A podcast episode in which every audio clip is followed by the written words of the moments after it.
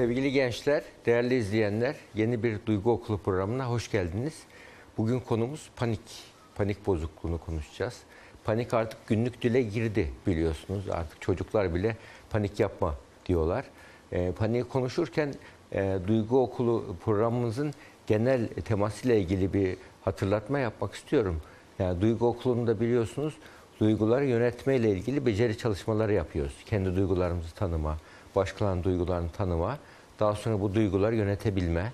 Ee, bu bir e, insanın kendini kendi kendinin lider olabilmesi, insan ilişkilerinde doğru adımlar atması, doğru kararlar vermesi.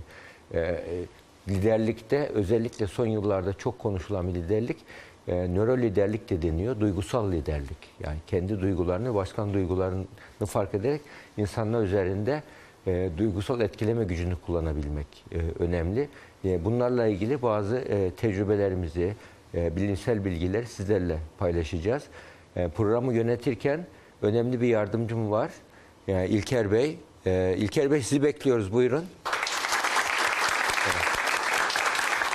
Evet. Evet. Panik. Evet. Ee, arkada Çok çok panik değilsin ama. Ee, alıştım artık. Ee, hocam şimdi panik konuşacağız. Panik panik deyince tabii bence biz normal günlerde yani günlük hayatımızda panik kelimesini doğru anlamda muhtemelen kullanmıyoruz. Evet, evet, yani doğru. biz her yerde hani son zaman zaten ünlü bir laf var. İşte of ben tam panik falan böyle öyle kullanıyoruz. Onlar aslında panik değil diye düşünüyorum ben. Ee, o zaman panik nedir? Ee, ilk isterseniz sizi dinleyelim. Tabii. Yani panik bozukluğunun yani panik kelimesinin Türkçe'ye bu kadar girmesi ve çok kullanılması aslında güzel bir şey. Yani insan kaygısını, he- heyecan, e, e, telaş durumunu e, panik kelimesiyle ifade ediyor. Bu e, güncel kullanımı, depresyon kelimesi de öyle, stres kelimesi de öyle. Çok girdi hayata. Bu kelimeler artık günlük yaşamın parçası oldu. Bunun sebebi de aslında modernizm getirdiği bütün dünyadaki bir sonuç. Mesela 100 sene önce stres kelime hatta 50 sene önce hiç kullanılmıyordu. Neden? Çünkü e, so- e, sosyal hareketlilik oldu, ekonomik hareketlilik oldu. Bu hareketliliğin olması toplumda insanlar üzerine bir baskı oluşturdu. Bir e, gerginlik, gerilim oluşturdu. E, bunların sonucunda da yeni kavramlar ortaya çıktı. Bu kavramlarda bu kelimeler ifade ediyor. Panik, e, bizim psikiyatride e, kullandığımız panik, günlük kullanımdaki panikten farklı. Daha çok panik bozukluğu olarak geçiyor. Bu mesela 20-30 sene önce bu çok klinik tanımlamaya girmemişti. Hani sadece bir belirti olarak kullanılıyordu. Daha sonra bunun beyindeki biyolojik karşılıkları bulunduktan sonra ayrı bir e, ta- e, tanımlama kategorisi olarak ele alındı. Bu yani panik bozukluğu öyle bir e, etki yapıyor ki kişide e, panik dediğin zaman beynin hipotalamus bölgesinde aşırı bir uyarılma oluyor. Aşırı uyarılma olduğu zaman e, kişi hatalı alarm veriyor beyin. Hani bazen bazı otomobiller vardır. Kedi çıksa da alarm veriyor ya. Bu şeyde e, bu kişilerde panik bozukluğu olan kişilerde e, bir herhangi bir korku geldiği zaman mesela bir yere uyuştuğu zaman felç oluyorum diye. Göğsünde sıkışma olduğu zaman kalp krizi geçiriyorum diye. Başı döndüğü zaman düşüp bayılacağım diye. Yahut da böyle kafası karıştığı zaman aklımı kaybediyorum diye. Kişi kendi e, psikolojik bütünlüğü üzerinde denetiminin kaybolduğunu hissediyor. Bu his paniktir aslında. Yani kaygı her kaygı panik değildir. Kişinin kontrolü kaybetme duygusu paniktir. Kendi üzerindeki denetimi kaybetme, öz denetimi kaybetme korkusu bu şuna benziyor. Bir arabayla diyelim 140'la gidiyorsunuz. Birdenbire direksiyon hakimiyetini kaybediyorsun. Ne hissedersiniz o anda? Tam işte o hissettiğiniz şey yani takla atacağım, öleceğim gibi bir his. O his panik hissidir işte. Bundan kastedilir ve paniğin bir özelliği kişinin genellikle beklenmeyen, öngörülmeyen bir zamanda gelir. Her şey gayet rahatken, stres yok, sorun yok, gayet iyi giderken birdenbire kişinin kalbi çarpar, eli ayağı titrer, başı döner, aklını kaybediyor gibi, kontrolü kaybediyor gibi bir his gelir. Ve gece uykudan bile uyandırabilir. Nokturnal panik deniyor mesela. Uy- Uykudan uyandırır. Böyle hiç beklemediği bir zamanda geldiği için daha da korkar insan. Sebebi olması gerekmiyor mu? Gerekmiyor. Gerekmiyor. O sebebi olanlar ayrı işte. O anksiyetedir, durumsal anksiyetedir. Ama panikte önemli. Hiç sebep yokken durup dururken gelebilir. Bu geldiği için e, bu panik daha çok e, kişi rahatsız eder. Hatta paniğin mesela genellikle birlikte olan agorafobili bir panik vardır. Yani açık alan korkusu vardır. Belli alanlarda ortaya çıkar. Kişi kendini güvende hissetmediği alanlarda olursa daha çok oluyor. Mesela nerede oluyor? İşte e, tü- tünelde olur.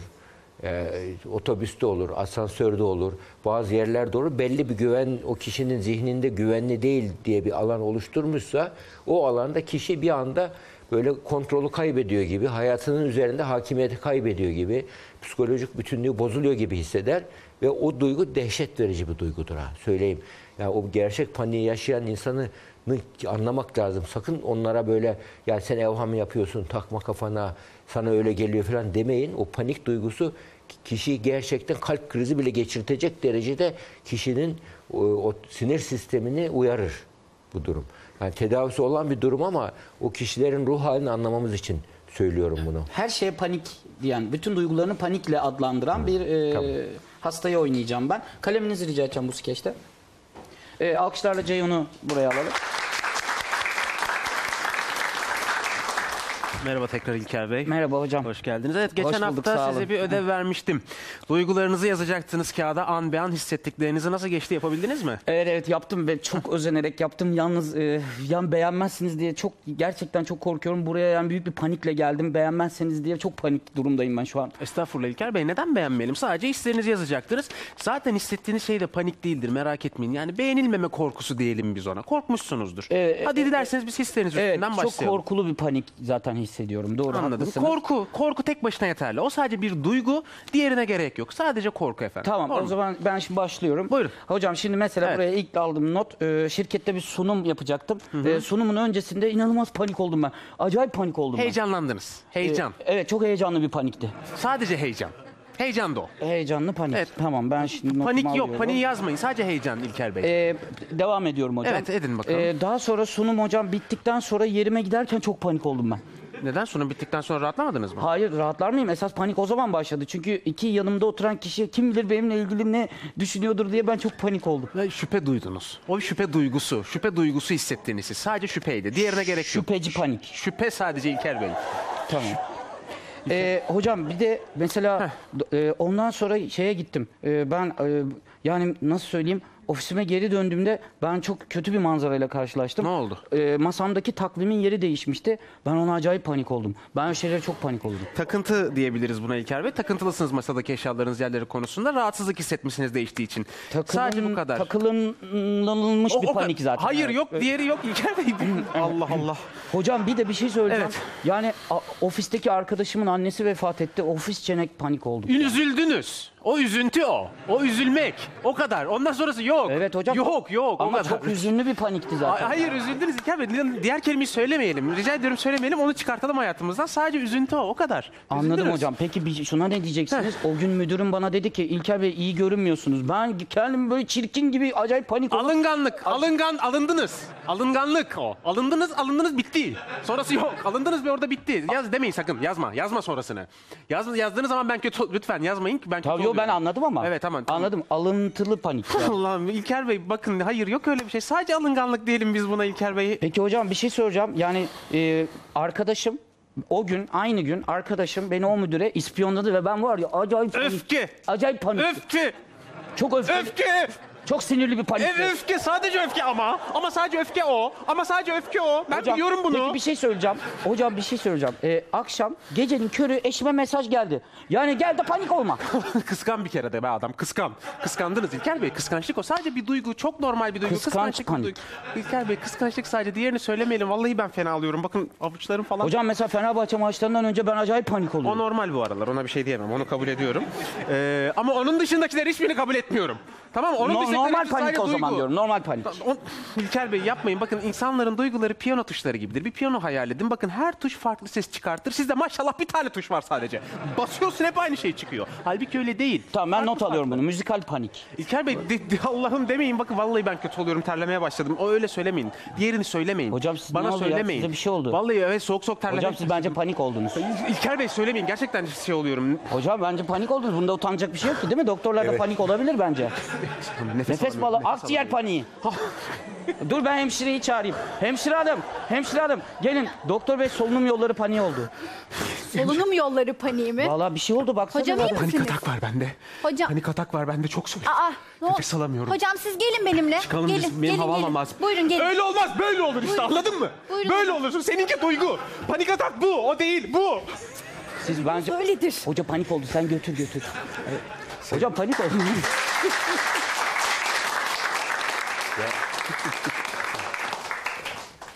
Doktor Bey hasta ettiniz ya. Panik kelimesi e, çok kullanılıyor. Yanlış yerde de kullanılıyor. Ama yine de bir bilinç oluşması Yani anlamında aslında kullanılması da iyi. Kesinlikle şey. yani panik kelimesinin böyle kavram olarak hani yanlış ya da abartılı kullanılması, bir genelleme yapılması olsa bile yani bir duygu yani bir duyguyu ifade etme çalışması var. Biz toplum olarak, kültür olarak biz e, biraz korku kültüründen geliyoruz. İtaati yücelten bir kültür. Bu kültürde de bir baskılamak vardır hep. Duygularımızı baskılamak, duygu ifadesini baskılamak. Yani üzüldüğümüzü söylememek, kızdığımızı söylememek. Yani mesela herhangi birisine başka bir kültürden düşünün. Anneni anlatır mısın deyince en az 5 dakika, 3-5 dakika anlatabilir. Ama bizden sorsak annen nasıl bir insandı? İyiydi. O kadar. Yani bu işte bu nedir? İşte duygu ifade sorunudur. Bu aslında yani bu kelimenin kullanılması demek yani duygu ifadesi yönünde bir toplum olarak bir yani bir duygusal kavramları ifade ediyoruz. Yani mesela ben Erzincan'da çalışmıştım. Buradan Erzincan'a selam söyleyelim. Orada insanlar gelenler e, bir, e, ne- ne şikayetim vardı demezlerdi. Neyin neren ağrıyor derlerdi. Yani şimdi düşün ya ne şikayetim var deyince insanlar mi başım ağrıyor, midem bulanıyor, başım dönüyor. Bir sürü şey vardır ama orada tek kullanılan kelime neren ağrıyor. Yani İlla bütün sanki ağrıması. tek hastalık ağrı gibi algılanıyor. Bu yanlış. Ya yanlış. Bunun için bunlar yani bir nevi hani duyguları söylemek ayıptır gibi bir algı var. Bu e, bu e, birçok hastalığın aleksitimi dediğimiz şekilde yaşanmasına sebep oluyor. Aleksitimi nedir? Kişinin duygularını beden diliyle ifade etmesi. Kişi bir şeye üzülür, kızar ama hiçbir şey ifade etmez. Ondan sonra eli uyuşur, ayağı uyuşur, başı döner, midesi hasta olur. Birçok bedensel hastalık şeklinde psi- psikiyatrik hastalıklar yaşanır. Bu buna aleksitimi deniyor. Bu aleksitimi genellikle duygularını bastıran kişilerde oluyor. Bizim kültürümüzde yaygın. Ama duygularını ifade eden mesela eşi ona haksızlık yapıyor, zulüm yapıyor. Böyle bir durumda e, aman kızım üzülme, aman idare et diye bir e, böyle fazla e, baskı duyguları baskılayan bir eğitim almışsa kişi içine atıyor, odaya gidiyor, ağlıyor, ağlıyor, hiçbir şey yapamıyor. Eşi de onun üzüldüğünü anlayamıyor, kızdığını anlayamıyor. Anlayamayınca da hatalara devam ediyor. Halbuki o, e, kavga çıkarmadan dese ki bu yaptığın hareketi doğru bulmuyorum, bu hareketin yanlış. Yani ben yani sen e, bu onaylamıyorum yaptığın hareketi ama evliliğin, çocukların geleceği için sana katlanıyorum bilesin diyecek bunu eşine. Derse eşi de böyle durumlarda ha, hatasını anlar, bir daha yapmamaya çalışır. E, ifade etmesi nereden anlayacak ki? Herkes yani senin bilinçaltını okumak zorunda mı herkes? Onun için muhakkak duygularımızı ifade edebilmek, bunu doğru bir şekilde ifade edebilmek e, iyi bir şey. Pa- Panik kelimesinin de bir duygu kültürü oluşması açısından iyi bir rolü var ama yanlış kullanıyor olsun düzeltilir. Hiç kullanmamaktan iyidir. Ama panik bozukluk dediğimiz durum, panik bozukluğu dediğimiz durum kişinin biyolojik bir rahatsızlıktır. Yani böyle takma kafana filan kendi kendi doktor olduğu geçecek bir hastalık değil. Panik bozukluğu birdenbire niye başlıyor? Biz çocukluk çağı travmaları çok önemli rol oynar orada. Belirli yıl hiç etkilemeyip Etki hiçbir şey olmaz Atıyorum bir olmaz. 20 yıl sonra 30 çıkıyor yaş- yani. 30 yaşında birdenbire başlar. Başlar. Başlatan bir olay olabilir. Başlatan bir travmatik bir yaşantı olabilir. Ama böyle kişilerin geçmişini araştırdığımız zaman genellikle böyle şok yaşantılar, travmatik yaşantılar vardır. O kişi o olayı yaşamıştır fakat unutmuştur. Ama sönmüş volkan gibi o örtülü bellek diyoruz. Beyinde bir yerde kayıtlı duruyordur o. Onu başlatan bir olay olur. Mesela geçenlerde Çınarcık'ta bir deprem oldu. 4 al 4 onda bir deprem, düşük bir deprem ama daha önce orada çok dehşetli bir deprem olduğu için 7 onda 4 oradaki insanları çok daha fazla etkiledi. Çünkü eskiyi hatırlattı. Bu nedir işte ikincil travma. Yani ilk defa dördünde bir olsa kimse etkilenmez ama şimdi e, müthiş yani yeni e, sanki büyük deprem olmuş gibi kaygı panik oluşturdu insanlarda. İşte bu geçmiş travmalara çağrıştıran bir olay olduğu zaman o travma yeniden yaşantılama yapabiliyor. Panik böyle durumlarda ortaya çıkıyor. Çocukluk yaşantılar onun için önemli. Bizim çocukluk çocukluk çağı travma ölçeği var mesela. Orada e, araştırdığımız çok önemli kriterler var. Mesela çocukluktaki fiziksel istismar. Genellikle çocukluk çağı travması deyince o anlaşılıyor. Yani çocukta insanın dövülmesi, işte e, kemerini çıkarıp dövmesi, bir odaya kapatması, elini ayağına bağlayıp falakaya yatırması bu anlaşılır. Bu çocukluk çağı travması değil. Asıl ses daha böyle gizli travmalar vardır. Mesela fiziksel istismarın yanında fiziksel ihmal vardır. Bu da bir travmadır. Yani çocuk akşam eve geldiği zaman yemeksiz kalması, üstünün başının dağınık olması, yani bir böyle e, kendine e, öz bakımının verilmemesi ailesi tarafından. Yani bir istismar yok ama ihmal var, fiziksel ihmal. E, aynı şekilde duygusal istismar vardır çocukluk çağı travmalarında. Duygusal istismarda ne vardır? Bir çocuğunu çok söversin, öbürünü hep azarlarsın, hep azarlarsın. Duygusal ihmal de daha e, ilginçtir. Duygusal ihmal mesela çocukluk çağı travması olarak böyle e, aynı ailede olursunuz ama mesafesiz terk ediş diyoruz biz ona. Mesafesiz terk edişte e, aynı evde kalırlar. Anne hatta çalışmıyordur, aynı evdedir. Fakat çocuğa yedirip içirip giydirir. Ondan sonra gider kendine eşine verir, temizliğine verir vesaire. Çocuk yalnızdır. Evde televizyon vardır. Televizyon karşısında günlerce onu seyreder çocuk. Böyle durumlarda bir anneyle göz teması yoktur, dokunma yoktur, sarılma yoktur, konuşma, paylaşma yoktur. Böyle durumlarda fiziksel bakım iyi olduğu halde çocuğun duygusal ihtiyacını karşılayamadığı için duygusal ihmal oluyor. Duygusal ihmal de bir çocukluk çağı travmasıdır. Bunu sorularla tespit ediyoruz. Yani bu, bu bütün bu travmalar mesela en çok da rastlanan yani cinsel istismarlar vardır. Burada bu da çocukluk yaşta yaşanan travma olarak bunlar unutulur, yaşadığını unutur kişi ama ileride biz e, bununla ilgili tedaviler yaparken böyle panik yaşayan kişilerde bir bakıyoruz ki yani kişinin çocukluk çağında yaşadığı travmatik yaşantılar, şok yaşantılar var. Bunlar mesela başlatan sebeplerdir. Hocam peki panikle ilgili yani panik bozukluğun belirtileri yani etraf nasıl anlar? Yani panik bozukluk öyle ki çok kolay e, kendi, kişi kendisini ifade eder zaten. Hemen mesela el ayağı titrer, buz gibi olur, kalbi çarpar, sık sık nefes almaya başlar. Ya böyle kişiler yani yalnız bir yere çıkamazlar. Devamlı yanında birisi olsun isterler çoğu zaman. Her zaman kendini bir güvende hissetme. Yani kendine yani güvenli e, Evet. alanı ararlar. Yani bu şey nedeniyle kendilerini de devamlı e, ko- kay- kontrolü kaybetmesiyle yaşadıkları için yani kolay hekime de giderler. Beyin görüntülemesi alıyoruz. Beyin görüntülemesinde, beyin haritalamasında beta dalgasını yüksek salgılar beyin bu kişilerde. Betalar yüksektir. Özellikle e, e, ön ve orta bölgelerde daha yüksek çıkar.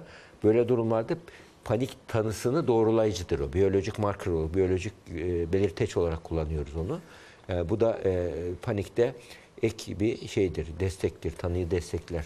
Soru alalım mı? Ee, arkadaşlarımızdan panikle ilgili buraya kadar konuştuklarımızla ilgili aklına soru gelen bir sorusu olan var mı? Kişi pani, panik atak geçirdiği sırada e, ölürüm, deliririm gibi korkulara girmesi sizce doğal mı? Böyle düşünebilir mi yani? Tabii. Yani kişi o panik esnasında panik kelimesi ya biraz önce e, paniği tanımlarken üzerine durduğumuz en önemli şey neydi? Öz denetim bozulması. Yani kişinin kontrolünü kaybetme hissi yaşaması. Kontrolünü kaybetme hissi yaşama psikolojik bütünlüğünü bozuluyor gibi hissederse aklımı kaybediyor gibi hisseder. Mesela fiziksel bütünlüğünün bozulmasının belirtisi ağrı hissidir. Kolun bacağın bir e, uygunsuz bir pozisyona alırsa ağrı hissedersin. Aynı şekilde psikolojik bütünlüğümüzde de böyle deformasyon olduğu zaman da hissettiğimiz duygu kaygı veya panik duygusudur. O psikolojik bütünlüğümüzün bozuluyor gibi yani aklımı kaybediyorum, kontrolü kaybediyorum, çıldıracağım gibi bir his. Aslında kaybetmez mi hocam peki? E, kaybet yani o kaybetme korkusu bu. Korkudan korkuyor bu panik kişiler. Yani gerçekte zaten aklını kaybeden kişiler nedir biliyor musun? Onlar benim hiçbir şeyim yok ki derler. Yani gerçek akıl hastaları kendilerini sağlam görürler. Peki hocam e, şimdi etrafın bu insanlara davranmasıyla ilgili bir skecimiz var. E, isterseniz onu bir oynayalım. Üzerine tekrar sohbetimize devam edelim. Alkışlarla Ceyhun ve Irmak'a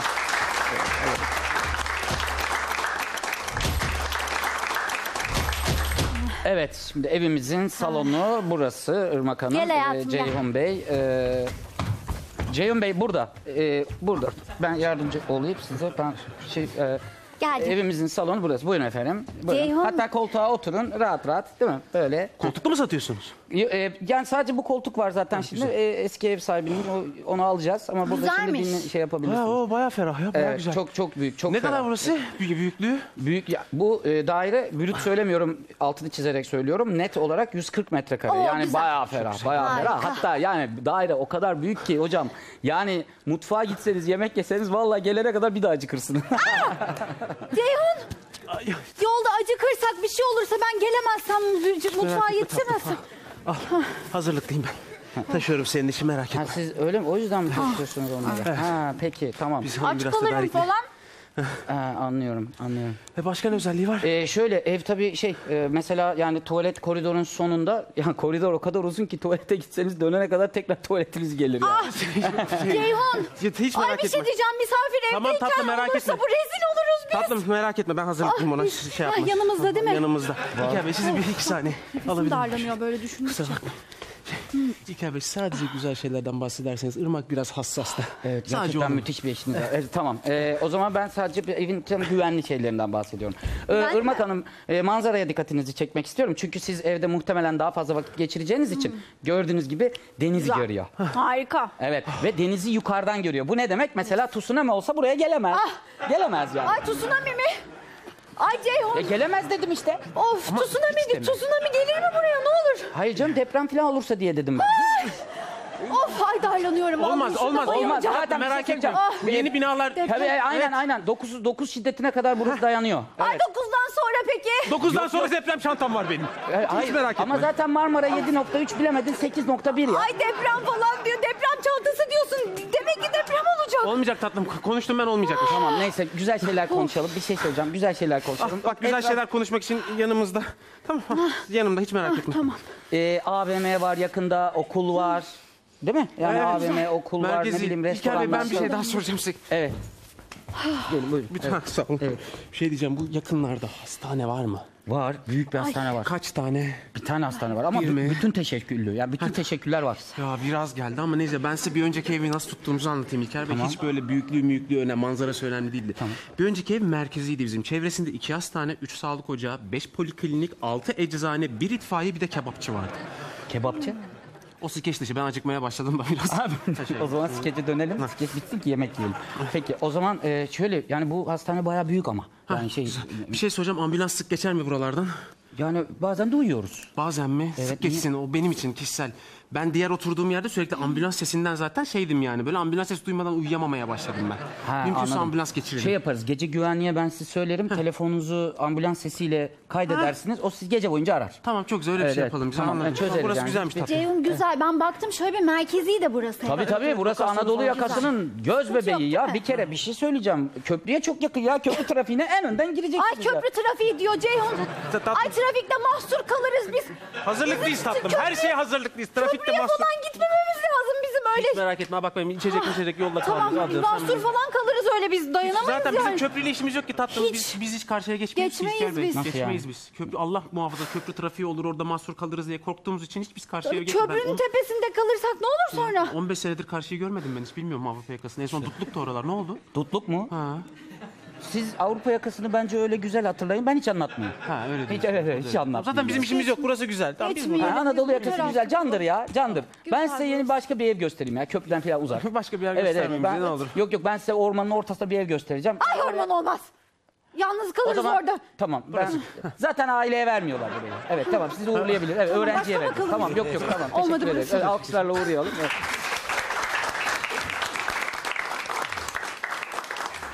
Şu skeçte bir tane normal insan yoktu bence. Değil mi? Ben de değilim, Irmak da değil, Ceyhun da değil. Panik yani her şey yani böyle yaşamak çok zordur ha biliyor musun? Varmış ama hocam. Ya var gerçekten var. Ben yani öyle kişi biliyorum ki evde mesela sabah kocası işe gittiği zaman annesine gidiyordu. E, Akşam kocası gelirken evine tekrar geliyordu. Evde yalnız kalamıyordu hiçbir zaman. Yani evin yani 500 metrenin dışında evine çıkmaya çıkamıyordu mesela. Bir sınır koymuştu. Şu dükkana kadar gideceğim diyordu. Daha ilerisine gitmiyordu. Böyle, böyle bir hayat çok kısıtlayıcı bir hayat. Çok zor bir hayattı. mutsuz Ama bu keşif kişiler bunu bilerek yapmıyor ki. Ama yani sonuçta bunların tabii, Tabii. aslında tedavileri veya yöntemleri Tabii. şeyleri var. Ya beyin öyle istemedi öyle korktuğu bir ortamda, gü- kendi güvende hissetmediği ortamda olduğu zaman beyin hatalı alarm veriyor ve kişinin korktuğu şey önüne çıkıyor. Hatta bunu kendini gerçekleştiren kehanet kuralı burada işliyor. Bir psikoloji yasasıdır o. Kişi korktuğu şeyler bir şeylerden korkmaya başladığı zaman onunla ilgili algıları açılıyor. Onunla ilgili bağlantılar kuruyor. Onunla ilgili e, olaylara karşı daha seçici algılama içerisinde oluyor. Ve yani hatırlatan her şey onun için bir alarm e, verici oluyor. Hocam tabii bu artık hayata etki etmeye başladığı ve sizi başarıdan, mutluluktan, belki aile kurmaktan, iş Kısıtlıyor yapmaktan, insanı. her şeyden alıkoyuyor. Her, yani hapishanede yaşar gibi kişi böyle bir durumda. Sorumluluk duygusu olan kişiler yani bir e, olayı değerlendirirken bir kaygı hisseder ama o kaygı üzerine kaygıyı mantıksal bir şekilde yorumlayarak strateji geliştirip kaygısını kontrol eder. Bu e, bu böyle durumlarda o kaygı onu geliştirir. Ama panik bozukluğu olan kişilerde kişi denetimi kaybediyorlar. Yani denetimi kaybedeceğim korkusuyla aslında farkında olmadan kaçınma davranışına giriyorlar panik bozuklukta. Soru alalım mı? Evet. Evet bir sorusu olan varsa evet. Panik ataklı olan insanlara spor egzersizi önerilir mi? Çünkü spor yapınca kalp daha çok hızlanıyor. Bu panik ataklığı arttırmıyor mu? Yani egzersiz şöyle, yani egzersiz zaten işte vücuttaki kasları gelen, e, ot- e, otonom sinir sistemini hızlı çalıştıran bir durum. Panik bozukluğunda olan kişiler da- daha çok yani egzersiz yaptıkça, e, bir şey olmadığını gördükçe paniğini düzeltmiş oluyorlar. Yani e, panik bozukluğun tedavi yöntemlerinden birisi de zaten e, böyle exposure yapmak, üzerine, üze- üzerine gitmektir yani. Ee, hocam şimdi e, tedavilere geçmeden önce e, aklıma şöyle bir şey geldi. Sonuçta e, bu panik bozukluk olan insanların aileleri var ve bu aileleriyle bir takım iletişimleri var. E, biz toplum olarak yani bunu ben kendimi de katarak rahatlıkla söyleyebilirim. E, bu tarz böyle soyut hani bir yerim ağrıyor gibi şikayet olmayan hastalıklara inanmakta güçlük çekiyoruz. Ve onu bir isterseniz Tamam. biraz bu konuda e, bilinçsiz ve inanmayan bir eşi e, canlandırayım. Ondan sonra üzerine sohbet edip tedavileri konuşalım. Irmak'cığım alkışlarla. Buyurun.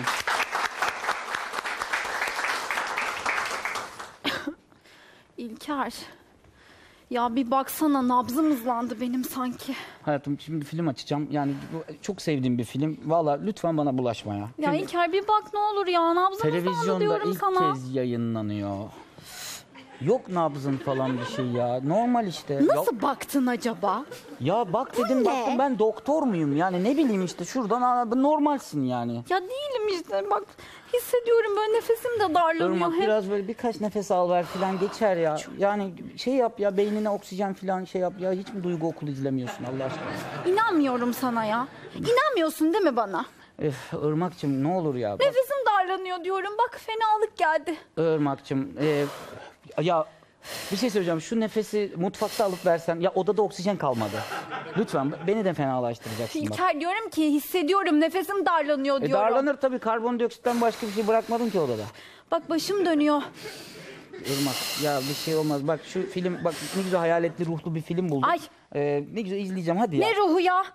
Üf, İlker bir şey diyeceğim bak ben doktora da gittim yakın zamanda. Bir şey yok dedi gerçi ama bir şey diyeceğim kalp krizi başlangıcı olabilir mi? Bu nabız, Oy. nefes darlanması falan. Ay çok yaratıcısın ya. Kalp krizi bu ne böyle ya? Giriş gelişme sonuçta ka- kalp krizi mi olur ya? Kalp krizi birden geliyor tak gidersin. Allah Allah. Bu ne ya böyle ha- kalp krizi önden bir hazırlıyor başlangıç. Gideyim Sonra yanında oldu. O zaman de kimse gününü. kriz geçirmez yani.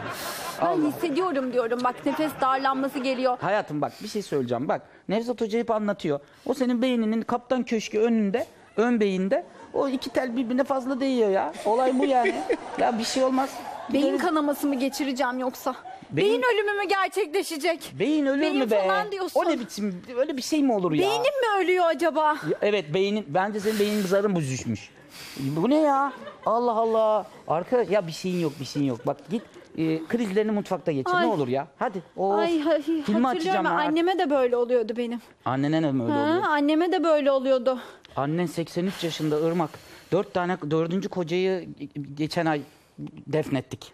Yani annene hiçbir şey olduğu yok. Bence bence sizin aileye falan bir şey olmuyor. Eşler gidiyor tabii bu durumda. Ne olacak? Nasıl Sen, dayanacak? sen daha bana inanma. Yanında böyle beynim ölsün ben gideyim. Gör gününü sen. Ay Irmak senin beyin ya beynin ay beyin ölmez beyin. Beyin ölmez. Tamam mı? Beyin Sen ölmez. bana inanma daha da Senin ya. beynin ölmez. Belki beyin ölür. Ola, bak o olabilir. Beyin beyin ölümü ge- ge- gerçekten gerçekleşecek bence. Gerçekleşmeden senin kulise git. Ben Hadi. gidiyorum. Be- İnanma ben içeride öleyim de gör gününü sen. bey ölecek falan Geçireyim falan bir şeyi de krizleri 40 kez içeride söylersen bey ölür yani. Öyle bir şey yapma.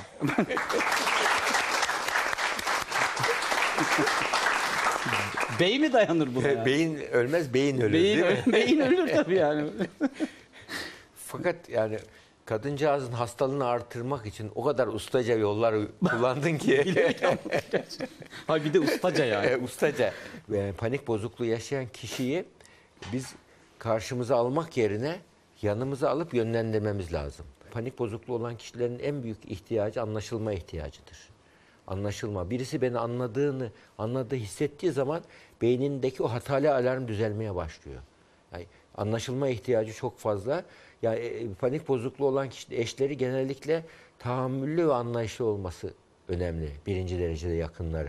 Eğer böyleyse kişi yani karşımıza almak yerine yanımıza alıp yönlendirmek dedik. Ne yapacağız? Onu yani sen bak şu anda büyük kalbin çarpıyor, e, kontrol aklını kaybediyor gibi olacaksın. Kalp krizi geçiriyor gibi hissediyorsun. Ama bunu daha önce doktorlara gittik. Bunun sebebini bulduk deyip elini omuzuna atsan, biraz hani başını okşasan, rahatlatsan onu e, o anda güvende hissettirsen bu- bir müddet sonra yatışır hemen. Yani birçok acil servise giden hastalara baktığımız zaman çoğu emin ol acil serviste çalışanlar bilir bu panik hastalarıdır. Genellikle bir, birkaç ilaçla düzeliyor bunlar. Yani 100 panik hastasının ilk başlangıçta 70'i ilaç tedavisiyle düzeliyor. Sürekli bir ilaç tedavisi mi yoksa dönemsel? Ya belli bir dönem ihtiyaca göre yani 6 ayla 2 sene arasında genellikle bir ilaç e, takiple tutuluyor. İlaç tedavisiyle birlikte başlatan çocukluk çağı travması gibi travmaları araştırıyoruz. Başlatan olay nedir? Stresör var mı? Bunlara bakılıyor. Bunlara göre terapi ikinci aşamada terapi ekleniyor. Burada kişinin e, işte olumsuz düşüncelerini, negatif kognüsyon dediğimiz düşüncelerini ölçüyoruz. O kişinin otomatik şartlandırmalarını, zihinsel şartlandırmalarını buluyoruz. Yanlış inanışlarını buluyoruz. Onun üzerinden o kişinin e, neden bu rahatsızlık çıktı sebebini buluyoruz. Terapi, ilaç ve terapiyle genellikle e, nüksü de önlenmiş ol- olunabiliyor. Bu yeterli olmazsa daha yani yöntemler var. Mesela e, nörofeedback ya da biofeedback yöntemleri var. Kişinin cilt ısısını, cilt direncini, kalp atımı, e, nefesi, solunumunu bütün bunları elektrotlarla ölçülüp beyin dalgalarını ekranda görüyor. Kişi düşünce gücüyle e, yani düşünce gücüyle nabızını yavaşlattığını görüyor. Düşünce gücüyle cilt ısısını azalttığını veya yükselttiğini görüyor. Düşünce gücüyle kişi e, cildindeki e, galvanik direnç e, de- deri akımı deniyor ona. Cildindeki ıslaklık değişikliği, rutubet değişikliğiyle ciltteki iletiyi ölçüyor. Bununla düşünce gülle bunun azalıp çoğaldığını görüyor ve ekranda da bu arada bunu yaparken mesela gülen yüz çıkıyor. Yani ilerleyen e, bazı görüntüler çıkıyor. Düşünceyle ekrana yük, yük yönetiyor. Bunu görünce ya bak ben düşünceyle yani, e, kalbimi değiştirebiliyorum, nabzımı değiştirebiliyorum, cildimi, kaslarımı değiştirebiliyorum diye görüp gördüğü zaman kişi bu geri bildirim oluyor. Nörobiofeedback de onun içinde. O geri bildirim sonucunda da zihinsel şartlanma oluyor. Otonom sinir sistemini yönetmeyi öğrenmiş oluyor. Bu da nörobiofeedback diye bir yöntem. Burada e, panik bozuklukta stres yönetiminde çok işe yarayan bir yöntem. Bunu da Bayağı gerekiyor. eğitim aslında. Tabii ya bunu hatta, yani. hatta şu anda bu daha da ileri gitti. E, bu otonom robotlar yapılıyor bununla ilgili. Yani kişi kolu felç olmuş bir kimseye beynindeki e, yani kolu kolunu oynatamıyor ama beyninde koluna kolumu hareket ettireceğim diyen kolunu hareket ettir komutu veren bölge sağlam. Oraya bir mikroçip yerleştiriliyor ameliyatla. Kişi beynindeki o kolumu hareket ettir komutu geldiği zaman o mikroçip robot ele gidiyor. Robot el kalkıyor kişiye su iç, çay içeceksin diye çayı kolu düşünce gücüyle robot koluna çay içebiliyor kişi düşün. Bunlar bayağı Olmayan yaygınlaşacak değil mi? Tabii bu Yakın artık gelecekte. yani bu şu anda tedavide kişiye özel tedavide bunları hatta giydirilmiş teknoloji diyorlar. Yani kişinin vücuduna teknoloji giydirip olmayan uzvunu e, çalıştırıyorlar. Yani bunlar işte ortez, protez bölümlerinin, yani üniversitelerin yaptıkları şeylerdir.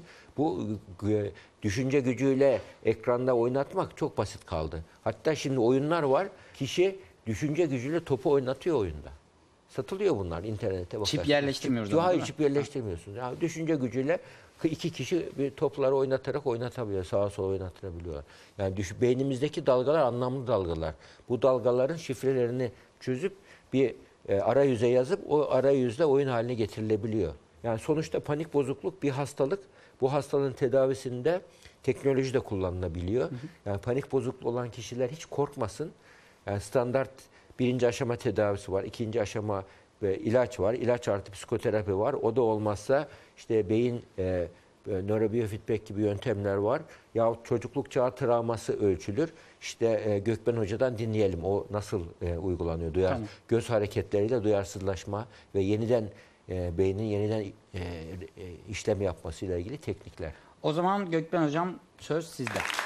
Nevzat Hocam, İlker, merhaba. Bugün panik bozukluk hakkında konuştuk. Panik bozukluk toplumda sık rastlanabilen ve bazen oldukça korkutucu anlar yaşatabilen bir hastalık. Ancak psikiyatrik açıdan baktığımızda tedavisi o kadar zor değil. Ee, travma sonrası stres bozukluğu, panik bozukluğu, depresyon ya da başka bazı e, hastalıklarda, psikiyatrik bozukluklarda kullanılan göz hareketleriyle de duyarsızlaştırma terapisi adını verdiğimiz bir terapi yöntemi ortaya çıkmış. Kısaca EMDR adı verilen. Bazen yaşadığımız deneyimler, bazı olaylar hayatımızda böyle düğüm gibi sindirilmeyen bir besin gibi durup onu halledene kadar, hazmedene kadar bizi rahatsız etmeye devam edebiliyor. Bazen rüyalarımızda ortaya çıkıyor. Bazen günlük hayatın içinde farklı kaygılar olarak ortaya çıkıyor.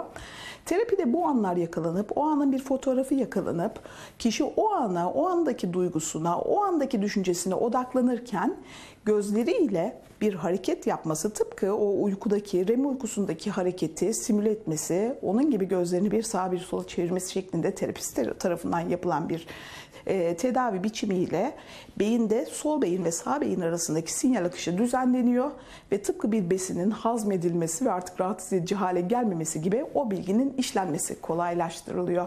Panik bozukluklarda son dönemde bilimsel yayınların sayısı artıyor ve yeni e, geliştirilen, en son geliştirilen terapi tekniklerinden birisi olarak e, insanlığın hizmetine sunulmuş bir terapi biçimi. Teşekkür ediyorum, iyi yayınlar diliyorum. Teşekkür ediyoruz Gökben Evet, Hoca'ya. Gökmen hocamıza teşekkür ederiz. Gerçekten bu e, e, MDR yöntemi yani göz hareketleriyle duyarsızlaştırma ve yeniden işleme bak adı üzerinde. Yani beyinde bozulmuş bir işlemi, ters çalışan bir e, sinirsel yapıyı yeniden yapılandırıyorsunuz. Ben 20 sene baş ağrısı çeken kişi biliyorum. 20 sene baş ağrısı çekiyor. Bütün her şey yapılmış, sebebi bulunamamış. Bir, bu MDR yöntemine giriyor kişi. O MDR yönteminde kişi birdenbire bir, bir buçuk saat ağlıyor. Ağlıyor, ağlıyor, sebepsiz ağlıyor. Daha sonra çocukluğunda yaşadığı bir travmayı hatırlıyor. O travmayı hatırladığı zaman rahat bir buçuk saati ondan sonra 20 sene süren baş ağrısı geçiyor. Bu nedenle biz panik bozukluğu olan bir kimseye iyice analiz, kişilik analizi yapıyoruz. Yani dikkat bellek muayenesini yapıyoruz. Yani iyice bir değerlendiriyoruz. Ona göre o kişinin teşhisini doğru koyup çocukluk çağını inceleyip ona göre tedavi yapılıyor. Herhalde programımızın sonuna geldik. Evet hocam yani e, Evet. çok kısa bir özet geçmek Tabii. istiyorum. E, panik bozukluğun e, biyolojik bir şey olduğunu, öyle şımarıklıktan, dirayetsizlikten e, dolayı olmadığını konuştuk. Bu çok önemli bilgi çünkü insanlara böyle davranılıyor. Bu da e, işleri kötüye götüren bir süreç başlatabilir. E, ondan sonra e, etrafın nasıl davranması gerektiğini konuştuk. E, çok kolay belirtilerin olduğunu, çok kolay kendisinin de çok kolay bunu e, anlayabildiğini e, gördük. Tehlikeli bir boyuta gidebilecek e, bir şey olduğu için de mutlaka tedavi e, edilmesi ve tedavinin de e, çok büyük büyük oranlarda e, başarılı e, olduğunu. Yani bu e, panik e, bozukluğu olanlar panik yapmasınlar diye Evet. saçma bir laf söyleyeceğim. E, tedavisi var ve düzelebiliyorlar. Tabii. E, ve buradan bu bilgileri almış Yani olmalarının özetle böyle bir yani yararı panik, olur. panik bozukluk kişide bir önce doğru teşhis koymak gerekiyor. Daha sonra kişide işte güvenli davranış, e, e, güvenlik arama davranışı oluyor, kaçınma davranışlar oluyor. Bunlara göre o kişiye e, bir terapi planı yapılıyor. Bu terapi planı içerisinde eğer tedavi disiplinine tam uyarsa düzelen bir rahatsızlık. Yani bu nedenle panik bozukluğun e, tıpta e, baş, tedavide en başarılı olduğumuz rahatsızlık gruplarından birisidir. Evet programımızın sonuna geldik. Ben e, değerli genç arkadaşlarıma ve e, değerli izleyenlere e, teşekkür ediyorum. Başka bir Duygu Okulu programında buluşmak üzere. Hoşçakalın.